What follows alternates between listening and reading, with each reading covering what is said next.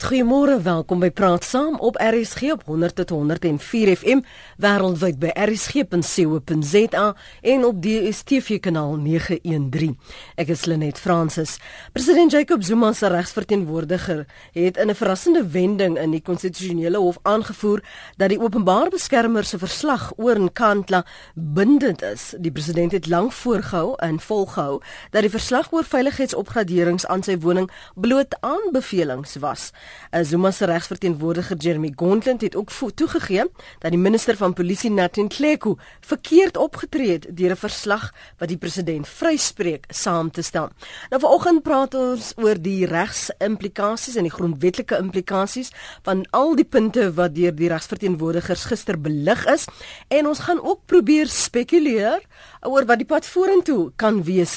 Een van die regsverteenwoordigers het gesê dit is dringende belangrike tye waarin ons leef en soos ons weet die uh, plaaslike verkiesing wat om die draai is, wat is ook die politieke implikasies vir uh, die uh, eh, ANC en die ander politieke partye. Ons praat heel eerstens vanoggend met die adjunk openbare beskerming, advokaat Kevin Malunga. Good morning advocate. Thank you so much for your time on uh, Praat Saam. Good morning to you and your listeners. It's a pleasure. Just remind us again what your mandate is, because yesterday there were a lot of references to the powers and recommendations of the Office of the Public Protector, and it seemed as if they, some people thought there were grey areas in or unclarity what your ba- mandate was. Yes, yes. Remember, our mandate is to investigate alleged maladministration and impropriety by the state at all levels uh, to uh, report on that conduct and also to take remedial action. Um, so, so, and, and, and, and, and, and for the past few months, the, the, the, the narrative has been messed up by the fact that people have, have been referring to uh, our work as recommendations. Mm.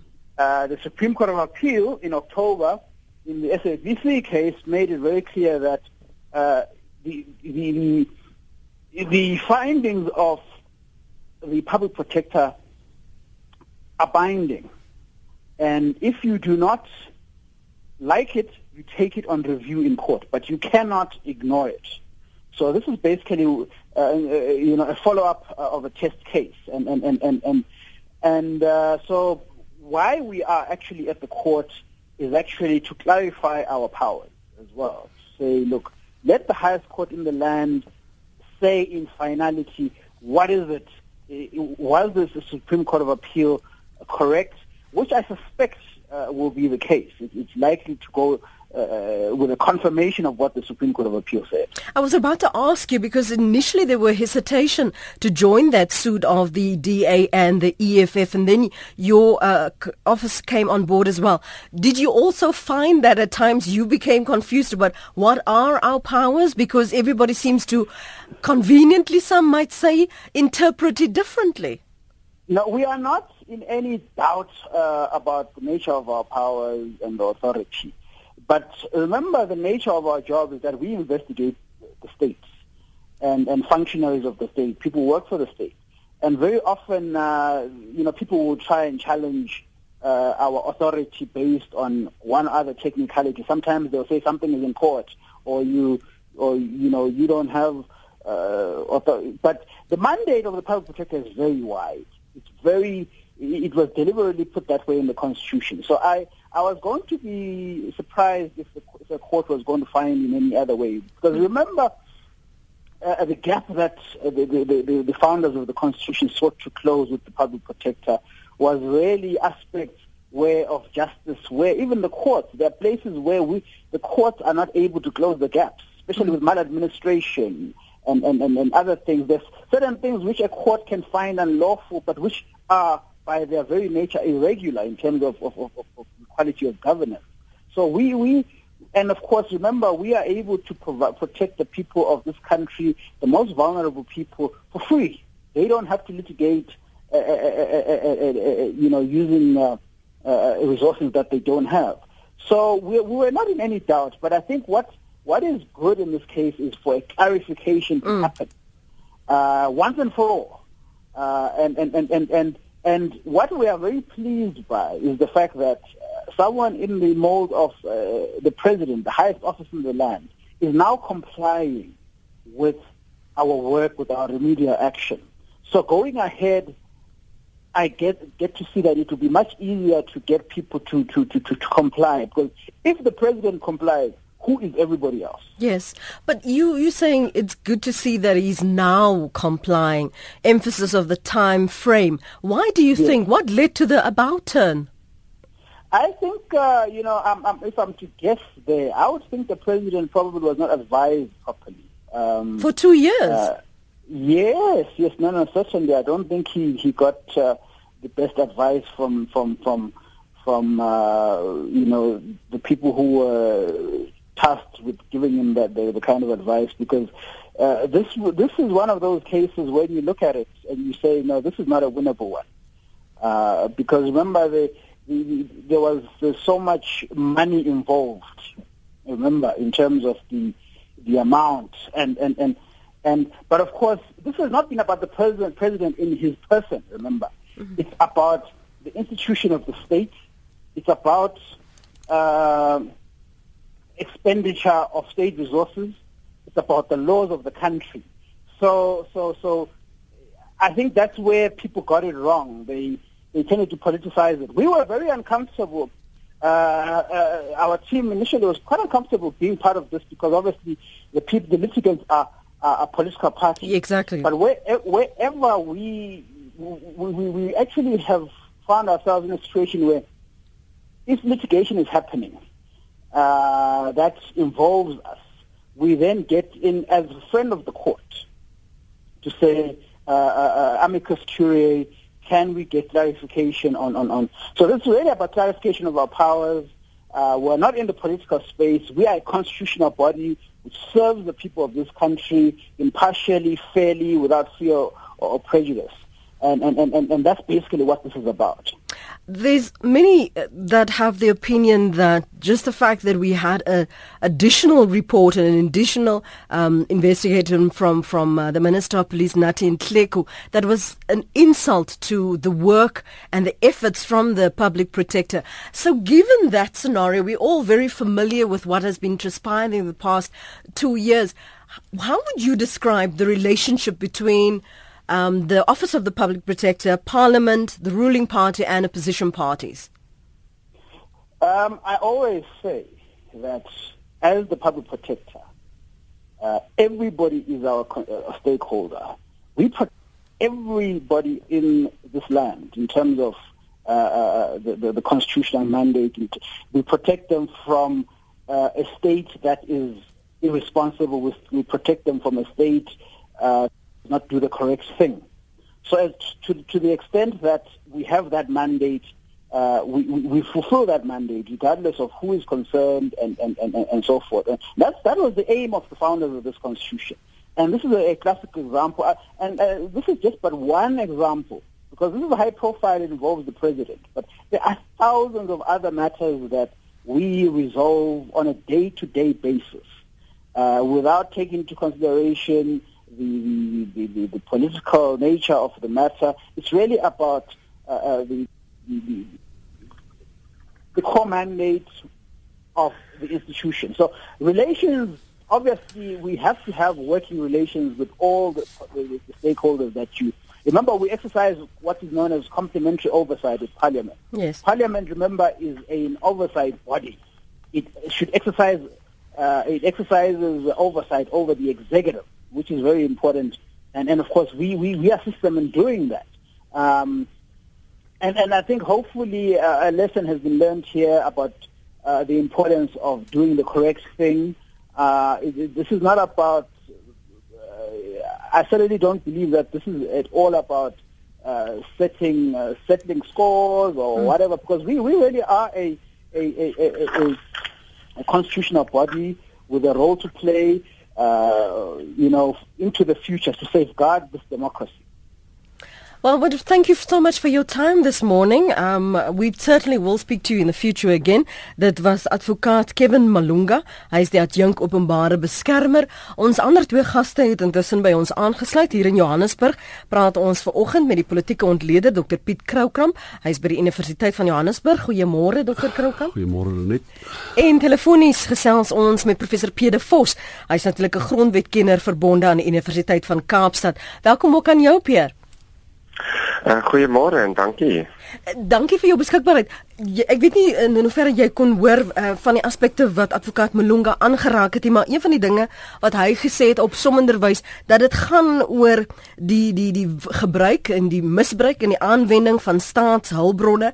Hy het gesê dit gaan oor die die wette van ons land. Waaroor gaan dit vir jou? Die feit dat dit by die konstitusionele hof uitgekom het. Sommige wat sê dit was maar net 'n skuiwergat want die die president wil nie in 'n staat van beskuldiging staan nie.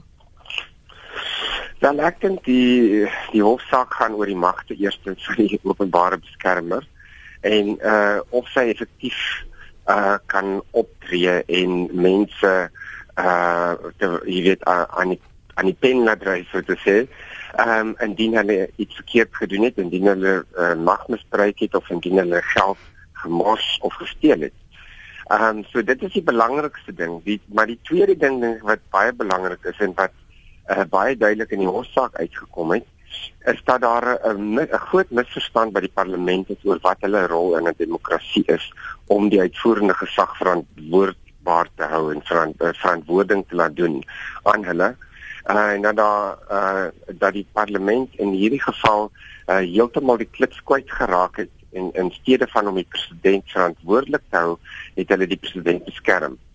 En ek dink as dit uit die hofsaak uh, en die uh, uitspraak duidelik gaan gaan word wat hulle rol werklik is, kan dit help om die parlement 'n bietjie uh, wakker te skud in hierdie verband.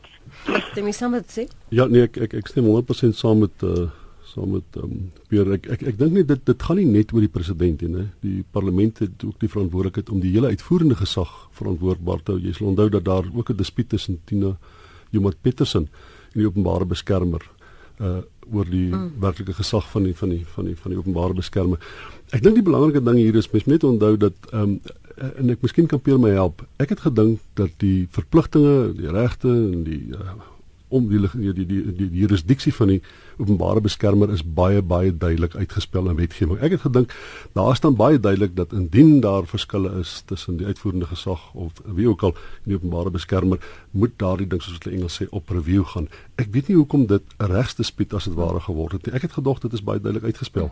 Pier, ek miskien kan jy daarop reageer veral vir ons wat leuke is in die verband wat ook gedink het maar sekerlik die president van Suid-Afrika behoort um senior regsadvies te kry van kundiges wat vir hom die teendeel sal uitwys asof te sê dis maar net aanbevelings van haar magte. Ja, die die nee, nie die grondwet of die wet sê spesifiek dat dit of aanbevelings of bindend is nie maar as jy die grondwet lees in die konteks van wat in die interim grondwet en die uh, finale grondwet is en jy lees die die bepaling van die wetgewing sal ek dink vir enige relatief ingeligte regskenners jou gesê het dat daar dat die wyse waarop hulle met die openbare beskermer se se verslag gehanteer het verkeerd was. Of dit nou bindend is in uh, jy weet daar's allerlei tegniese punte is dit nou so 'n hofuitspraak daai goed was daar nie sekerheid oor nie. Daar was onsekerheid daaroor. Mm. Maar die feit dat die president en die parlement klaar blyklik volgens enige persoon met 'n bietjie regskennis eh uh, klaar blyklik nie die die korrekte uh, pad gevolg het nie. Dit dit beteken dat daar uh, vir politieke redes uh, die die grondwet en die en die wet probeer omseil is. Ehm um, en en uh jy weet en, en ek dink wat die hofsaak duidelik gemaak het is jy kan net dit so lank kom seil as iemand die hof toe vat dan gaan die hof nou vra vra en sê maar jy kan dit nie so doen nie. Dit is nie wat die wat hier in die wet staan en wat in die grondwet staan en wat vereis word en wat alle ander hofsaake en uitsprake as net saamlees van jou verwag om te doen wat sê jy op die hart kon nie môre? Môre net ook jy twee geëerde gaste. Ek spring weg daar by uh, president Zuma se regspan Ek dink hulle het hom baie goed adviseer net voordat die uh, politieke partye die oppositie 'n hulle na die hof gewend het en vir hom geadviseer het. Ongelukkig vir hom het sy eie regsverteenwoordigers toe nou gister die meisond in die hoenderhok losgelaat en ons sien wat dit hulle self erken.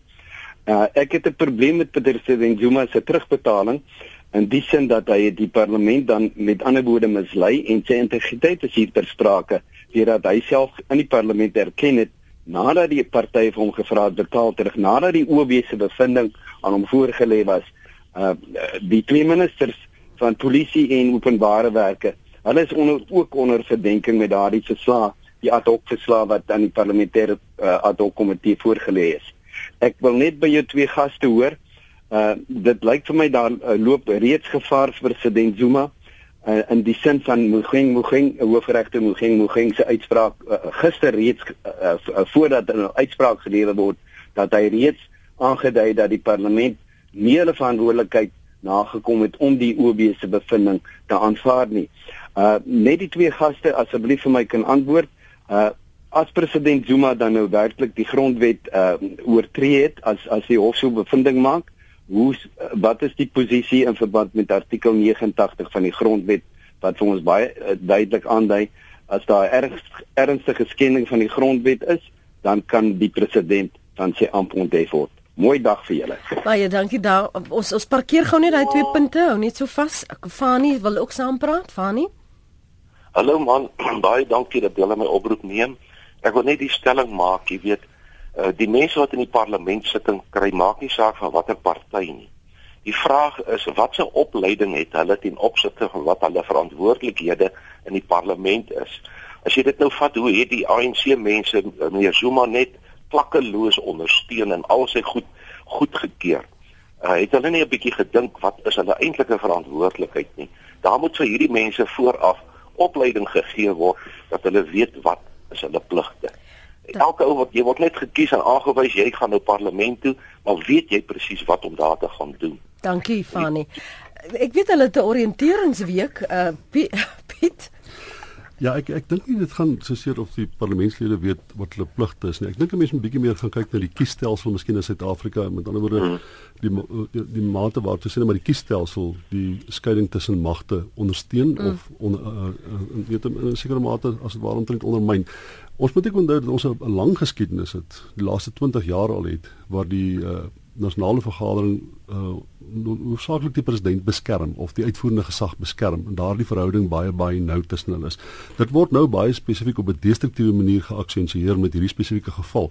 Maar ongelukkig kom dit 'n baie baie lank pad dat daar 'n tipe van 'n party uh konsentrasie mm. dan oor as dit gaan oor bepaalde kwessies dan sal 'n bepaalde party rondom die president sy loyaliteit snoer en hom as ware beskerm of die uitvoerende gesag beskerm of die minister beskerm. En ek dink dit het baie te doen met die met die met, miskien hoe dit binne die ANC die die die manier hoe hulle konsensus struktureer, hoe hulle kompromieë struktureer, hoe hulle besluite neem, hoe die ANC caucus funksioneer binne in die in die nasionale vergadering of in die parlement. Mm. Ek dink daar eers moet mense tipe van as individuele parlementslede uh blootgestel as 'n groter verantwoordbaarheid, dan sou hulle dalk ook hulle pligte uitgevoer het teenoor die president op die, in terme van daai selfde beginsel, maar die proporsionele proporsionele stelsel, kiesstelsel wat ons het, uh moedig nie vreeslik verantwoordbaarheid aan nie. Pier met dalk die punte aanraak wat Connie oor ge, gepraat het, die integriteit ja. van die van die van die president, maar ook die die implikasies daarvan want daar is gesuggereer ja. dat as hy dan nou die grondwet sou oortree, kyk, Gondlet het geskerm en gesê dit was maar net 'n hmm. fout. So nou hoe moet hmm. ons dit lees? Was dit maar daai daai die die aanvoering van Gauntlet maar net om um, die president te beskerm sodat die of, of liewer die konstitusionele hof te versag sodat hulle nie moet bevind dat hy die grondwet uh, oorskry het nie. Ek, ek was 'n bietjie verbaas dat hy so daar op daai punt gehandel het vir die volgende rede. Die ehm um, die openbare beskermer se se verslag het alreeds bevind dat die president sy magte uh, die die die grondwet en die reg oorskry het. Mm. En dit is juist hoekom hier 'n mediale aksie ingestel is teen hom. Ehm um, dit dit maar so dis die eerste ding. So as jy die verslag aanvaar dan jy alreeds aanvaar dit so dink dit het dit gedoen. Uh of hy nou in hoe hy die verslag gaan hanteer het, ook dit uh, sy magte oorskry het en ook die grondwet uh teen uh, teen die grondwet opgetree het. Uh dit beteken net dat dit miskien 'n bietjie erger is, maar die bepaling wat na verwys is artikel 89 sê die nasionale vergadering kan iemand in 'n staat van beskuldiging plaas, die sogenaamde impeachment op sekere gronde. Ernstige oortreding van die grondwet of of die reg is een van hulle. Maar dit is dis 'n diskresie wat die parlement het. So solank die president die uh die uh ondersteuning het van die meerderheidsparty, die ANC, is daar geen moontlikheid dat hy ooit in 'n staat van beskuldiging geplaas gaan word nie. So die feit dat die die regsverteenwoordiger daarop uh, so daarop aangedring het, uh laat mens wonder of die president dalk voel dat hy minder uh beheer oor sy party het as wat dit van buite af lyk. En dat dit moontlik kan gebeur. Ja, ek dink ek het geen idee nie want ek weet nie wat ja. gebeur binne die ANC nie, maar dit dit laat mense ons dinge uh, vra laat ontstaan oor die president se eie siening oor sy magte en hmm. hoe seker en hoe uh, seker sy mag binne die ANC is. Kan ek gou op daai punt vir jou vra gegee die wyse waarop ehm um, die parlementslede gereageer het op die verslag van die openbare beskermer as die konstitusionele hof bevind dat ehm um, hy die grondwet oortree het um, wat wat kan hulle opdrag gee dat die die ehm um, uh, die dat die parlement moet reageer en van hom ontslae moet raak watter magte is daar dan of is dit 'n aanbeveling want ja. as jy al klaar steun het en ek was nog heelpad jou boetie en en jou ondersteuner ja. en beskermer gaan ek mos nie van jou ontslae raak nie so wat is ja. die implikasies en die magte daarvan? Kan dit afgedwing word as 'n waar ja die die dit sou die skeiding van magte sou in gedrang kom as die as die hof vir die vir die verkose uh, die demokraties verkose parlement uh sou kon sê julle moet die president nou basies afdank en hom in 'n staat van beskuldiging plaas. En dit kan nie, dit sal nie gebeur nie en dit kan nie gebeur nie. Al wat kan gebeur is as die uh, grondwetlike hof 'n beslissing maak en verder weer onderstreep dat die president uh, die grondwet en die reg uh oortree het, dan plaas dit dalk politieke druk op die parlement en spesifiek die meerderheidsparty want jy het 'n 2/3 meerderheid van stemme in die in die parlement nodig vir so 'n staat van beskuldiging. Ehm um, en uh, daar sal die die kwessie die vraag is dan 'n politieke vraag. Is daar soveel druk op die party dat hulle gaan besluit om teen hulle eie leier op te tree? Dit sal dit sal baie verbasend wees as dit as dit wel gebeur. Ehm um, want uh, die dis maar net soos ons uh, stelsel werk soos dit uitgewys het uh, met ook met die uh, verkiesings die die kiesstelsel dat dit eintlik baie moeilik is vir lede van die parlement om onafhanklik op te tree as hulle leiers in die nasionale uh, uitvoerende gesag van die ANC nie besluit uh, neem om van hulle president ontslae te raak. Ek kan ek vir Peter iets vra. Ja. Net net oor sê net maar is dit moontlik vir die hof om byvoorbeeld te sê of sê net maar 'n party tot die saak bring 'n aansoek wat sê uh, ons wil by die hof hoor of die parlement verplig is om die proses van 'n staat van beskuldiging aan die gang te sit. Met ander woorde, 'n komitee moet minstens saamgesit word onder daar bepaalde reëls oortree in terme van die grondwet. Kan die president in 'n staat van beskuldiging geplaas word of moet hy in 'n staat van hmm. beskuldiging geplaas word? Ja, dit is moeilik want ek ek is nie seker daaroor nie want die die bepaling in die grondwet uh is nie gebiedend nie. So dit sê net die die nasionale vergadering het mag wel die president van sy mag onthef om van deur die volgende redes 'n ernstige oortreding van die grondwet en die reg. Uh so dit lyk asof dit 'n diskresie is. Dit is nie 'n vereiste nie. Dit is nie uh, soos hulle in Engels sê, it's not peremptory. Mm. It is permissive. So in daardie sin sou ek verbaas wees as die grondwetlike hof uh sê hulle self die mag gee om te sê wel julle moet ten minste kyk na hierdie saak uh want juis omdat dit lyk soos 'n diskresie uh, dit is miskien deel ook van ons stelsel wat uh sê dat die president deur die nasionale vergadering aangestel word verantwoordbaar is aan die nasionale vergadering en deur die nasionale vergadering uit sy amp onthef kan word en dit dit is 'n demokratiese uh beginsel wat daar geld maar vanweer natuurlik die kiesstelsel en so aan is dit nie 'n baie goeie uh uh uh, uh, uh briek op die uitoefening van mag hmm. deur die president. Pierre, ek weet jy het beperkte tyd. Kan jy nog 'n bietjie bly? Ja, kan nog. Dankie. Ek wil net uh, twee uh, oproepe van ons luisteraars neem en dan nog 'n paar ander vrae hanteer. Piet, dankie vir die aanhou in die Suid-Kaap.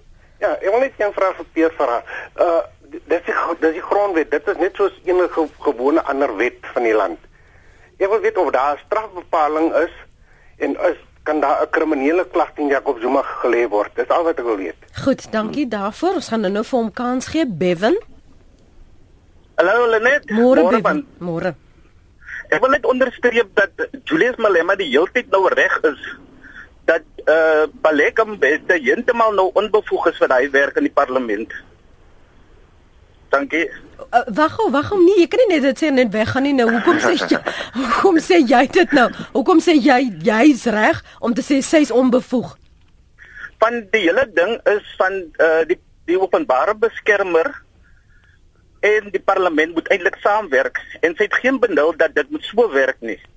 En dis hoekom sy die hele tyd die president uh uh uh daai ding is uh, beskerm in plaas van saamwerk met die openbare beskerming om die land se belange te verdedig. Verstaan jy wat ek bedoel? En Julius Malema het die hele tyd geklem op dit geleer dat sy onbevoeg is vir daai werk en dit maak dit nou net weer duidelik in die hofsaak. Goed, Bevan, dankie dat jy jouself daar verduidelik het. Uh, Pierre, kriminele klagte? Ja, die grondwet self is nie 'n dokument wat 'n kriminele oortreding daarstel nie. Daar is wel 'n bepaling in die openbare beskermingswet wat sê enige iemand wat uh, die met die die uh, magte ek kan nou nie presies bepaling onthou nie, maar wat die openbare beskermer ondermyn ehm um, en uh, wat die die onafhanklikheid en so aan van die openbare beskermer aanveg dat so 'n persoon 'n kriminele oortreding begaan. So en of en as ook 'n bepaling wat sê as jy nie met die openbare beskermer saamwerk nie, sê nou maar die openbare beskermer vra jou vir inligting en jy weier om dit vir hom te gee soos wat die president wel gedoen het, dan is dit 'n kriminele oortreding. Uh die openbare beskermer was baie versigtig in haar verslag. Sy het nie gesê dat hierdie eintlik moontlike kriminele oortreding is nie. Sy was uh, baie omsigtig in hierdie verband, maar mense sou maklike argument kon uitmaak natuurlik as daar nou 'n onafhanklike vervolgingsgesag was om uh, die president te vervolg of van wie uh, vir uh, vir versuim aan sy kant om met die openbare beskermer saam te werk, want daar is 'n bepaling in die wetgewing self wat dit verbied en sê dit is 'n kriminele oortreding. Waarom is dit belangrik? Wag, kom ek gou eens ek gaan nou vir jou kans gee. Pet. Waarom is dit belangrik dat ons soveel aandag en tyd aan hierdie hofsaak moet bestee? Dan ek dink dat daar 'n paar redes. Eerstens, omdat die openbare beskermer 'n liggaam is wat vir gewone mense wat nie die geld het om na hof toe te gaan nie, om hulle te help om uh om te om om die iemand te kry in die regering in 'n staatsinstelling of 'n staatsdepartement om hulle werk ordentlik te doen. Is dit baie belangrik dat sy oor uh, dat ons weet presies wat haar magte is en dat sy effektiewe magte het sodat sy wel mense kan help, veral mense wat nie geld het om uh, uh die die dier uh, regsakte uh, praktisyns te betaal. Nie. Tweedens gaan dit daaroor, dit gaan oor verantwoordbaarheid. Dit gaan oor die verantwoordbaarheid van die president. Uh, wat ver, veronderstel is om nie uh die uh, voordeel te trek of onregmatig voordeel te trek uit die feit dat hy in beheer van die staatskas uiteindelik is nie. Um en wat nou verantwoordelik gehou word daarvoor. So dit dit, dit is eintlik uh nogal belangrik dat dat hierdie goeders gebeur want dit beteken dat die stelsel op sy manier en met sy gebreke baie partykeer nogal goed werk soos wat dit nou die laaste paar dae weer blyk. Hmm. Partykeer uh, werk dit regtig goed en dan dan uh, ten spyte van al die metodes om daar dinge te omseil uh aan die einde van die dag kom jy voor die hof en dan moet jy nou maar erken ja ons het dit verkeerd gedoen. Maar maar vir 2 jaar lank om nie op een of ander manier tot insig te kom nie. Daar is gesê um, in in, in verwysing een van die regsverteenwoordigers gister dat dit 'n mate van arrogansie was. Um en hmm. dat die president um oorkom asof hy hom nie steur aan die wette van van die land nie. So praat 'n hmm. bietjie oor 2 jaar van ontkenning. Ons het hier hmm. gesien hoe daardie debatte afspeel. Ons het die voorlegging van Natin Kleko gesien. Seer sekerlik iewers tog in 2 jaar peer moet iemand sê Oké, okay, miskien is hierdie 'n moontlikheid dat ons eendag hierdie sal moet toets. Ja. Um, ek ek weet nou nie wat daar gebeur het nie. Wat dink jy het dit hoekom nou skielik? Hoekom nou skielik ja, hierdie hier verandering? Mense wat ja, met mense wat in magsposisies is. Uh, Veral as jy nou die leiers van 'n land is, dan en jy omring jouself met mense wat nie vir jou sê wat jy behoort te hoor nie, maar wat vir jou sê wat hulle dink jy wil hoor. Dan uh, is jy in 'n heeltemal in 'n bubble. Soos met Tony Blair in in Engeland wat wat nie heeltemal mal geraak het toe hy na rukkie en besluit het hy gaan nou maar Irak inval en so aan heeltemal teen die wense van sy mense en so aan. Dit gebeur nou maar. Ek dink dit is hier ek sou nie verbaas wees as dit hierdie geval was dat die regsverteenwoordigers sy raadgewers het vir die president gesê ag moenie worry nie ons gaan 'n uh, ringe hardloop onder hierdie mense ons het 'n meerderheid in die parlement uh, ons gaan net seker maak hierdie ding gaan weg en dit het toe nie weggegaan nie en dit het, uiteindelik in die hof gekom en anders as voor die parlement in die hof moet jy regsargumente maak. Jy kan nie politieke storieetjies vertel en sê dit is 'n fire pool want dit is eintlik 'n swembad en op op in die mense om hom sit nou met eier op hulle gesigte want hulle is nou albe half geïmbariseer en verleer want hulle het uh, hom verdedig. En nou blyk dit dat dit alles verniet was. So uh, ek dink hulle sou dalk nou miskien twee keer dink ek weet nie ek is dalk baie optimisties vanoggend maar hulle sal dalk twee keer dink voordat hulle weer net blindelings vir die president uh, verdedig en dalk vir hom sê die volgende keer bietjie meer eerlik met hom wees oor wat hy kan en nie kan doen nie.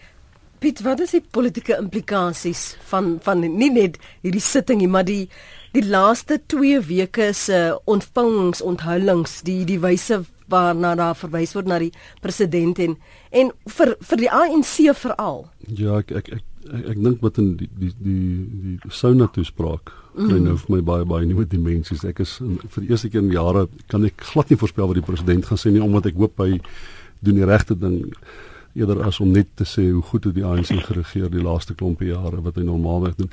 Ek dink mense moet net so bietjie aandag wegskuif van die president af nou en die konsekwensies wat dit het soos wat jy inbeller gesê het vir Baleka en Bette vir die parlement het want die Natin parlement uh, Natin Kleko en uh, nie wel luister van die uitvoerende gesag mm. maar wat die wat die parlement se se konsekwensies wat die hierdie ding vir die vir die parlement en dit het dit is baie duidelik en ek dink hulle regsverteenwoordiger het gister toegegee dat hulle eenvoudig nie hulle werk gedoen het nie.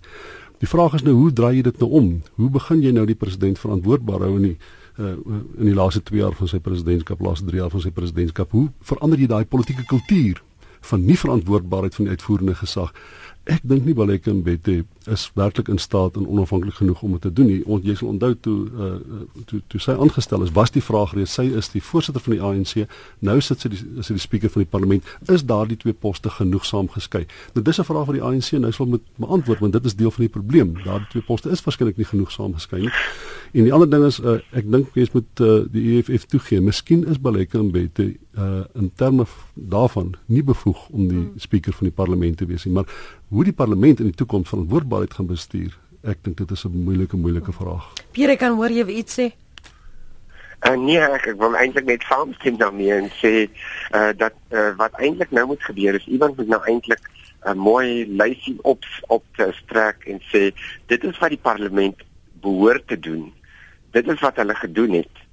Dit is hoe hulle nou in die toekoms moet hieruit leer sodat hulle nie weer dieselfde ding doen nie. Maar die probleem is kiesstelsel plus die probleem dat daar binne in die ANC se verkiesingsmeganismes om leiers in die in die party aan te wys en lede aan te wys wat in die parlement gaan dien nie duidelikheid is en oop openlikheid is oor die proses nie dit is nie 'n volwaardige demokratiese proses nie so afhangende van die boonbehalwe die kiesstelsel gaan dit ook oor die interne demokrasie binne die party en omdat dit nie daar is nie eh, voel mense nie dat hulle daar is omdat hulle die steun van die kiesers het nie.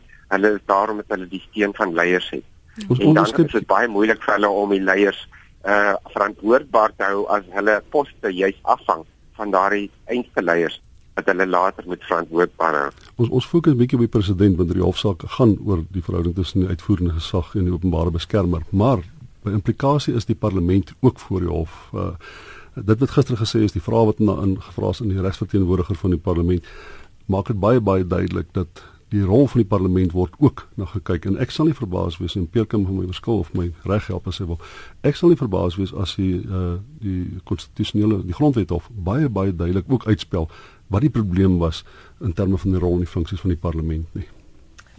En is dit dan hulle uh taak om dit te doen om uiteen te sit waar die ehm um, sogenaamde ehm um, wat is confusion die die uh, verkeerd wel misleidende ja, die misverstand dankie Piet ingekruip het. Die, die saak ja, die hofsaak uh, van die uh, van die EFF en van die DA beide het is dit was spesifiek deel van hulle saak dat hulle gesê die parlement het hierdie saak heeltemal verkeerd hanteer. En so dit gaan baie ek dink in die proses waarin die grondwetlike hof gaan moet bevind en ek dink hulle sal bevind dat die ja die parlement het die saak heeltemal verkeerd hanteer en daardie proses gaan hulle tog moet sê dit is wat moes gebeur het en dit is hoekom wat gebeur het nie 'n strook met wat die vereistes wat die grondwet daarstel uh hoekom dit nie daarmee uh een uh, dit nie dan uh, gestand gedoen het nie. So ek dink dit gaan baie behulpsaam wees vir die parlement. Natuurlik politieke wil bly nog steeds 'n probleem so jy kan 100 keer sê dit is wat jy behoort te doen. Ehm um, maar as daar nie politieke wil is van die meerderheid in die parlement om wel hulle taak te vervoer nie dan is dit baie moeilik om hulle te dwing om dit te doen. Jy kan nie die parlement dwing deur byvoorbeeld 'n hof bevel om die uitvoerende gesag verantwoordbaar te hou as hulle dit nie wil doen nie, dan gaan hulle net deur die stappe en hulle maak asof hulle dit doen, maar hulle doen dit nie reg. Net in in die verlede was hy was die grondwet grondwet ook baie baie versigtig om nie politieke uitsprake te maak nie, met ander woorde nie vir die parlement of vir die uitvoerende gesag te vertel hoe om sy werk te doen nie, maar eerder die regsreël te beklemtoon. So ek dink dit sal 'n baie mooi eierdans wees vir die grondwet of gaan uitvoer om by die regstegniese aspekte te hou en nie vir die parlement of vir die uitvoerende gesag te vertel hoe om sy werk te doen, maar bloot die reël onderstreep van wat sê die wet. En ek is baie verbaas eintlik dat uh dat daar soos wat Pierre dit uitspel dat daar soveel vaagheid is in terme van die grondwet en wetgewing oor daardie verhouding tussen die uitvoerende gesag en die en en die uh, openbare beskermer want dit gee tog 'n bietjie van 'n regsargument dalk vir, vir Jacob Zuma wel het bepaalde toegewings nou maak. Mm. Kan die hof later dalk bevind maar daar was 'n bepaalde vaagheid, daar moes vroeër uitspraak daaroor gewees het. Jy sal onthou, ek dink Pierre sal toestem, daar was ook 'n ander vaagheid byvoorbeeld gewees. Die openbare beskermer moes haar verslag, want dit gaan oor Jacob Zuma. Nou moet sy verslag aan die met sy nou daai verslag oorhandig. Ja. Daardie wetgewing is ook nog nie duidelik uitgespel nie. Mm. Hou net so vas julle, Hendrik, hou dit kort asseblief en Dirk, ons is nou by jou. Hendrik, gaan voort. Môre Lenet, môre meneere. Ehm um, ek wil net hoor, kyk dis nou weg van van die president af. Die regsadviseurs wat vir hom die raad gegee het, né? En wat wat wat nou al hierdie slim argumente goed gedoen het. Hulle was veronderstel om van die begin af te geweet het wat die situasie is. Is daar nie 'n manier wat 'n mens hulle kan aankla by het sy by die regsorde of die prokureursorde of iemand vir gross incompetence en en en en sommer aspres geld maak uit die uit die staat uit nie? Want hulle hulle het verseker nie goedkoop verbygekom soos 'n jy weet ek weet wat kos dit in die Hooggeregshof. Ek wil nie eens dink wat kos dit in die in die in die in die uh uh grondwetlike hof om 'n saak te doen nie. Dit dis maar al wat ek wil geweet het want hulle hulle het die ding gevoer. Goed, ons gaan nou vir Pierre Vries, ons grondwetkenner vanoggend. Dirk Ja, kyk daar, omdat daar omdat die uh, grondwetlike hof nog nie voorheen uh, 'n spesifiek uitsluitsel gegee het oor sê net maar die magte van die grondwetlik af van die openbare beskermer nie. Sou mens ten minste argument kon maak, is nie 'n baie goeie argument nie, maar jy sou 'n argument kon maak en dit is wat uh, regsgeleerdes uh betaal word om te doen. Hulle probeer om die beste argument vir hulle kliënte maak dat de daar miskien nie uh dat die, die magte van die openbare beskermer nie bindend is nie en so voort. Dit sou ten minste die geval gewees het tot die uh, hoogste hof van appel die jaar Oktober hulle uitspraak gelewer het. Die enigste persoon wat daarna nog aangehou het met die uh, nonsens is die minister van polisie. Hy moes definitief van beter geweet het want daar was toe 'n uitspraak wat gesê het jy kan nie doen wat jy nou doen nie en hulle het dit net geïgnoreer.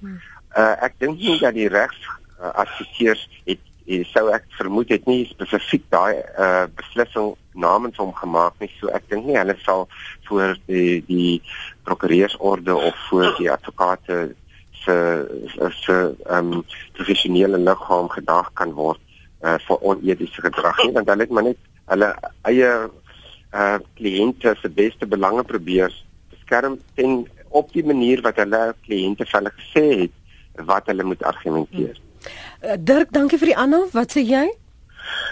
Ek wil net graag vir Peer vra, uh, gesien nou die uh situasie byvoorbeeld van met ondersoeke wat die openbare beskermer tot nou gedoen het in terme van die bevoegdheid van persone in leierskap in die openbare uh sektor is daar 'n moontlikheid dat kom ons sê een van die politieke partye kan aansoek doen dat die openbare beskermer die president moet ondersoek ten opsigte van bevoegdheid in sy pos. Dis eintlik al wat ek wil vra. Goed. Is daar so 'n moontlikheid? Is daar ruimte vir dit? Um, die openbare beskermer se magte in terme van die wet is om uh, eerstens korrupsie te ondersoek, tweedens um, om um, uh, wanadministrasie te ondersoek en derdens om uh, uh, enige oortredings van die etiese kode te ondersoek. So in soverre daar dalk ehm um, 'n misleiding van die parlement was deur enige iemand uh sou dit maklik wees vir die openbare beskermer om om dit te ondersoek. Ehm um, maar ek dink nie dit dit sou te polities wees en ek dink nie as jy na die magte van die openbare beskermer kyk dat dit no moontlik sal wees byvoorbeeld om vir hom te sê wel die president is net 'n swak president nie. Die die die manier om van 'n swak president ontslae te raak is om nie vir daai persoon en die party wat wat hy lei of sy lei te, te stem nie. Want dit is 'n politieke oplossing. Daar's nie eintlik 'n regsoplossing hm. vir swak bestuur van die land wat nie uh uh korrup of uh is of nie op uh, uh, duidelik op van administrasie neerkom. Daar was ook gerugte oor die president wat dan nou die geld moet terugbetaal. Kan jy net vir ons bietjie dit belig? Sien nou byvoorbeeld hy, hy het nou gesê aanvanklik um, in met sy erkenning dat die minister van finansies dink ek en die ouditeur-generaal se ja. verkeer sê moet dan nou besluit wat sou die aanvaarbare uh, bedrag wees om terug te betaal. Uh, is hulle by magte om dit te doen? Kan die, die grondwet of hulle hierop uit uh, uitspraak lewer? Die grondwet hof kan uh, sê dat ja, die partye het nou het nou besluit dat die oorspronklike bepaling van die openbare beskermer dat die dat die polisie hierby betrokke moet wees dat dit nie meer ter sprake is nie. Soos Jeremy Gauntlet gister gesê het die polisie minister shot his bolt. Hy het nou klaar gesê daar moet niks terugbetaal word nie so dit sou nie eintlik help dat hy betrokke is nie. Uh, maar daar's twee kwessies hier. Die president se regsverteenwoordiger het gesê alwaar ons sal betaal is vir die vyf dinge wat die openbare beskermer spesifiek genoem het. Die swembad die kerk die cattle kraal, die chicken coop en eh, die eh, die amfitheater en so aan. Maar daar is ook baie ander aspekte wat moontlik dalk nie is uh, veiligheidsmaatreëls is nie, maar sy het nie spesifiek daaroor bevinding gedoen nie.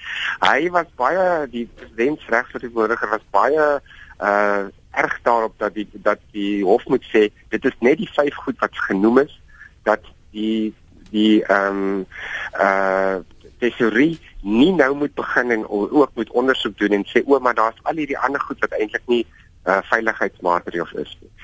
Eh maar as hulle dit doen, maak nie saak wat hulle dan doen nie, op die ou end gaan moet besluit word wat is 'n redelike uh, bedrag om terug te betaal gegee die feit dat hierdie goed 'n sekere uh, bedrag gekos het wat baie meer was as wat dit werd was. So dan moet nou 'n bedrag gevind word wat tussenin is. Dit het soveel gekos dit behoort soveel te gekos het en ons gaan nou sê die president moet iets tussenin terugbetaal. Dit is wat eintlik ja, wat ek vermoed. Die grondwet of vereis die vereis is. Die grondwet of kan ek die tesorie sien maar oorrol in terme van bestaande wetgewing is hulle ondersoek moet doen met hulle ondersoek doen. Ek uh, wonder net of op die einde of daar maar 'n ooreenkoms sal wees dat daar word uh, gesettel op op, op mm. dit wat die wat die wat, wat daai twee instansies dan nou besluit ongeag hoe hulle dit regverdig. Mm. Dis versien jy uh, Piet Pier uh, dat ons uitspraak voor die plaaslike verkiesing gaan hê? Pier sal daai moet antwoord.